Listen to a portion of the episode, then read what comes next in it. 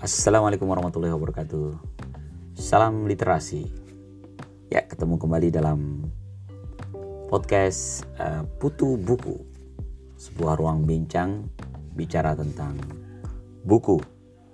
Tidak pantas mungkin disebut beda buku atau review buku karena ini hanya sekedar bercerita tentang apa yang saya pikirkan dan apa yang saya rasakan setelah membaca satu buku.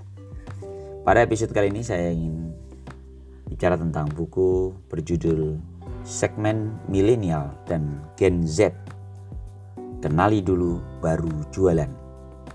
Karya Bang Adi Samsuito Siregar. Ini buku yang menarik dengan sampul warna biru mudanya. Uh, bentuk font yang menarik dan judul yang menurut saya ini sangat menggoda para pembaca ya. Terlebih pada subjudulnya ketika judul utamanya segmen milenial dan Gen Z atau generasi Z. Subjudulnya itu kenali dulu baru jualan. Ini menurut saya memantik para pembaca yang berkeinginan para pelaku bisnis ya mau jualan nah itu maka sebelum penjual kenali dulu uh, pasarnya yang ternyata segmen milenial dan generasi Z ini sangat mendominasi saat ini. Nah, saya akan ceritakan sekilas tentang buku ini. Buku ini buku yang terlihat sederhana tapi ternyata syarat data. Bahkan di kata pengantarnya, Bang Adi Samsuito Siregar ini sudah menyampaikan beberapa data terkait dengan uh, demografi kita. Data diambil dari dat BPS ya BPS tahun 2020 ini menarik karena 2020 artinya ini sangat aktual ya. Ya 2020 ini buku ini terbit di awal tahun ini sebenarnya Januari 2022 tapi sampai itu cukup cukup relevan lah ya kondisinya. Di data yang disampaikan Bang Adi ini terkait dengan usia produktifnya. Ya kira-kira siapa sih yang megang uang di saat ini? Ya karena ini kan penting. Siap kalau ada yang memegang uang itu kan nanti potensi menjadi incaran banyak pelaku pasar, pelaku marketing. Sehingga kita harus baca kira-kira seberapa sih itu generasi milenial dan generasi Z ini layak diperhitungkan dalam uh, men, dalam kebijakan kita melakukan ekspansi pasar maupun strategi penjualan kita gitu. Dan buku ini uh, termasuk buku yang saya sukai gaya runutan ya runutan babnya. Karena ini membuat termasuk buku yang cepat saya konsumsi. Biasanya buku kadang-kadang tertati-tati membaca sampai belum uh, belum selesai dalam waktu yang lama ya. Kalau buku ini enggak buku ini termasuk yang cepat saya selesaikan. Memang ketebalan halaman halamannya juga tidak terlalu tebal ya. Sampai 105 halaman kalau nggak salah ya. Sekitar 105 halaman. Uh, mengapa tidak tidak membuat kita bosan membacanya? Karena susunannya menarik ya. Dari kata pengantar lalu bab pertama itu tentang teori perbedaan generasi. Jadi Bang Adi ini menceritakan tentang uh, bagaimana perbedaan generasi yang terbagi di terbagi di uh, dewasa ini gitu. Sehingga kita beranjak dari situ. Ya pembagian pembagian generasinya kita beranjak dari situ. Ada berapa generasi sih? Nah banyak teori tentang itu dan Bang Adi menyampaikan beberapa teori itu dan uh, plus minusnya ya. Lalu ini dia yang dia nukil itu teori generasi Strauss-Howe ya. Dia mengatakan bahwa generasi yang tersisa paling tidak saat ini ya, walaupun tidak mendominasi yaitu generasi the greatest generation. Ini 1901 sampai 1924. Mungkin udah kakek-kakek sekali kalau ada yang ada yang sampai hidup saat ini ya rata-rata berarti kan 90 tahunan lebih ya. Ini minoritas dalam komposisi demografi dunia. Namun tetap kita pertimbangkan kita kita tetap harus menjadi bahan bahan uh, analisa kita gitu. Kemudian di bawah itu adalah uh, silent generation. Ini 1925 111 sampai 1942 ini masih kakek nenek kita juga ya. Era-era di sebelum perang ya eh maaf di masa perang ya 1942 Kalau yang setelah perang itu 1943 dan 1 sampai dengan 1960 ini baby boomers. Baby boomers ini karena setelah perang justru akhirnya mulai anu pertumbuhan ke ininya jumlah penduduknya makanya istilahnya baby boomers ya booming ya. Karena generasi ini generasi pejuang ya karena mulai kayak kena riset ya. Perang itu kan kayak riset ya jadi akhirnya mereka semangat juangnya relatif tinggi di era ini ya di generasi ini. Uh, mereka memiliki perhatian yang tinggi pada aktualisasi diri ya. Dan uh, memiliki kesadaran atas pentingnya kesehatan. Kemudian generasi X atau 1961 sampai 1981 ini generasi saya sepertinya ya ini sekitar 20 tahun dan ini generasi yang sering dibilang sebagai sandwich. Dia terjepit di antara dua generasi yaitu generasi baby boomer dan generasi milenial di bawahnya. Sehingga di masa di generasi X inilah banyak transisi-transisi ya. banyak dia masa-masa peralihan generasi yang cukup berbeda ya. Nah kelanjutannya generasi milenial 1981 sampai 2004 ini juga nanti ada di buku ini disampaikan juga ada perbedaan pandangan. Bahkan ada yang membagi lagi menjadi dua generasi milenial tua dan generasi milenial muda. Ini generasi dari 1981 sampai 2004 ya. Ini anak-anak sekarang ya anak sekarang yang secara teknologi sudah mulai um, tinggi jago lah gitu. Tinggal teknologi informasinya menjadi udah sangat luar biasa. Dan populasinya cukup tinggi di kita ya. Bahkan nanti kalau kita Eh, bonus demografi itu kan ini termasuk usia-usia generasi milenial ini sekarang yang usia-usia sudah mulai beranjak uh, usia awal-awal produktif ya. ya. Dia menjadi pelaku usaha dan banyak yang akhirnya ahli strategi marketing. Bisa jadi ini adalah teman-teman yang pendengar uh, podcast saya ini atau para pembaca, calon pembaca buku ini ya. Ini adalah generasi milenial. Dan kelanjutannya ada generasi Z atau 2005 sampai kelahiran 2005 sampai 2015 ini generasi jauh lebih muda ya semakin ini lagi lah semakin canggih nih generasi Z ini. Memang akhirnya dia jadi semakin mudah berkomunikasi melalui uh, dunia maya ya. Jadi era digital semakin luar biasa. Sehingga mereka ini uh, tidak mudah dikelabui ya mereka sangat melek informasi nah uh, buku Bang Adi Sas Eh, Bang Adi ini juga menyampaikan di bab berikutnya adalah bagaimana strategi mendekati segmen milenial ini setelah pendekatan demografi. Ini juga menarik.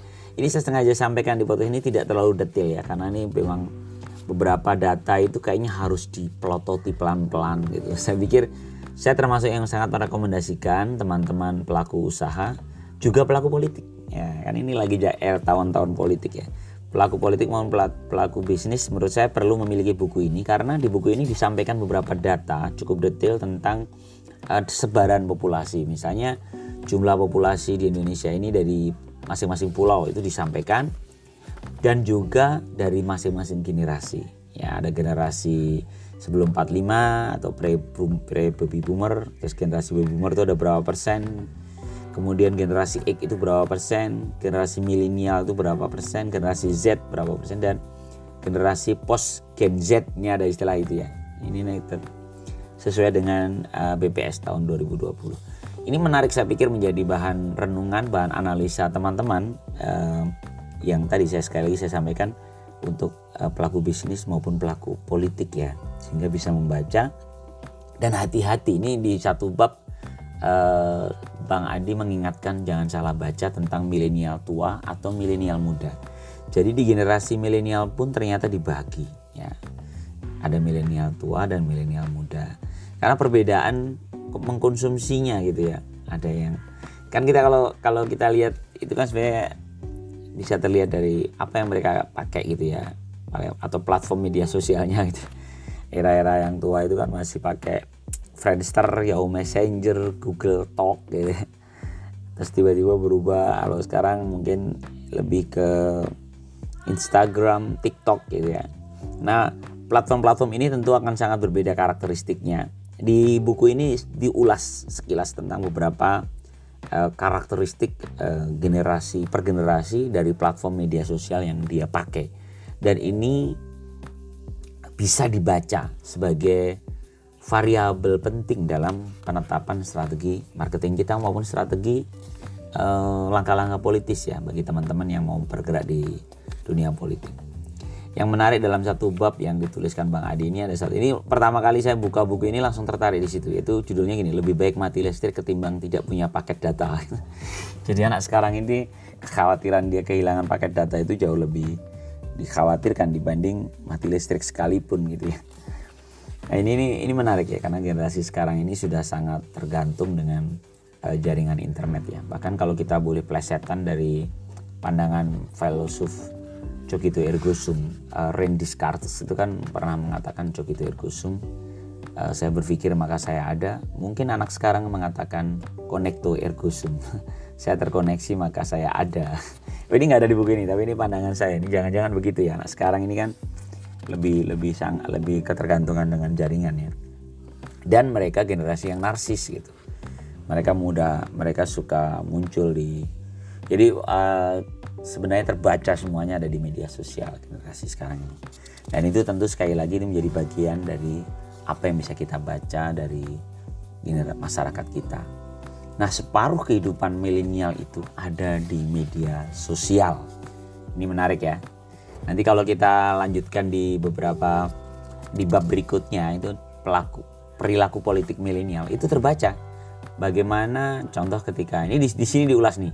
Seorang eh, Samara Amani misalnya ketika dia dari Partai Solidaritas Indonesia dia kan main di ranah anak-anak milenial. Bagaimana ketika dia menantang debat uh, wakil ketua DPR saat itu misalnya Fahri Hamzah itu menjadi sesuatu yang menarik gitu dia mencuat langsung ini contoh bagaimana generasi milenial itu bisa masuk dalam politik ya tentu melalui platform platform media sosial mereka. Dan ini ada beberapa faktor yang mempengaruhi para perilaku politik ya, generasi milenial itu dan itu dibahas di buku ini. Saya pikir saya nggak akan sampaikan ya satu-satu ya, tapi silakan ini teman-teman yang saya serius nih merekomendasikan ya teman-teman yang memang ingin konsen, uh, fokus di dunia politik di tahun ini kan ini kan lagi tahun-tahun politik di negara kita ya. Akan sangat menarik kalau teman-teman pemain politik ini lebih melakukan strategi marketing politiknya dengan cara-cara yang ada di buku ini. Menurut saya lebih baik dibanding dengan cara-cara tanda petik yang ngebom sana ngebom sini. Itu saya pikir sudah terlalu naif di zaman sekarang ya. Eranya sudah berbeda. Jadi justru mainnya dimain uh, pandangan dan pikiran uh, generasi paling tidak ya di buku ini dua dua generasi segmen milenial dan Gen Z. Ah, itu kalau politik. Bagaimana dengan perilaku belanja? Ini dibahas juga. Bagaimana perilaku belanjanya masing-masing generasi itu. Ya, sekarang kan orang belanja tidak perlu jauh-jauh ke mall, tidak perlu ke mana, tinggal klik aja semuanya di handphone dan bagaimana cara generasi itu membuka uh, marketplace-nya itu tentu ada ilmunya ya, ada bisa kita baca. Uh, buku ini menyampaikan beberapa riset-riset sederhana dari lembaga riset yang bagaimana sih model belanja mereka gitu. Ya, bedanya antara baby boomers, generasi X dan milenial maupun Gen Z itu memiliki perbedaan gaya dalam mendapatkan produk knowledge-nya ya memahami produk yang ingin dia beli dengan cara masing-masing dan itu ada ilmunya. Ya sekali lagi ini silakan kalau teman-teman yang mau ber uh, berbisnis memulai usahanya dan atau mungkin selama ini dia sudah ada kegiatan usaha yang dalam bentuk offline gitu lalu ternyata kondisi sekarang mau tidak mau kita harus rambil ranah online ranah marketplace. Maka buku ini bisa sangat membantu menambah wawasan teman-teman sekalian termasuk bagaimana kegiatan memikat hati milenial. Ini menarik ya. Jadi Bang Adi ini memang cukup asik ya dia meng, mengulik-nguliknya walaupun dengan dengan pandangan yang sekilas ada beberapa yang tidak terlalu dalam dibahas tapi ini memantik kita bagaimana termasuk karakter konsumen gen generasi digital ya. Terus Gen Z, karakter Gen Z kan beda dengan milenial. Nanti akan dibahas. Gen Z seperti apa, uh, perilaku konsumennya uh, dibongkar semua oleh Bang Adi Siregar. Ini menarik ya. Silahkan teman-teman yang tertarik uh, untuk mendapatkan buku ini sepertinya bisa langsung menghubungi Instagram Bang Adi ini cukup aktif kok ya di Instagram dia at baslibrary.id baslibrary.id bas itu adalah Bung Adi Siregar. Library karena memang Bang Adi ini cukup aktif di dunia literasi. Ya mungkin itu yang ingin saya sampaikan sekilas tentang buku segmen milenial dan Gen Z.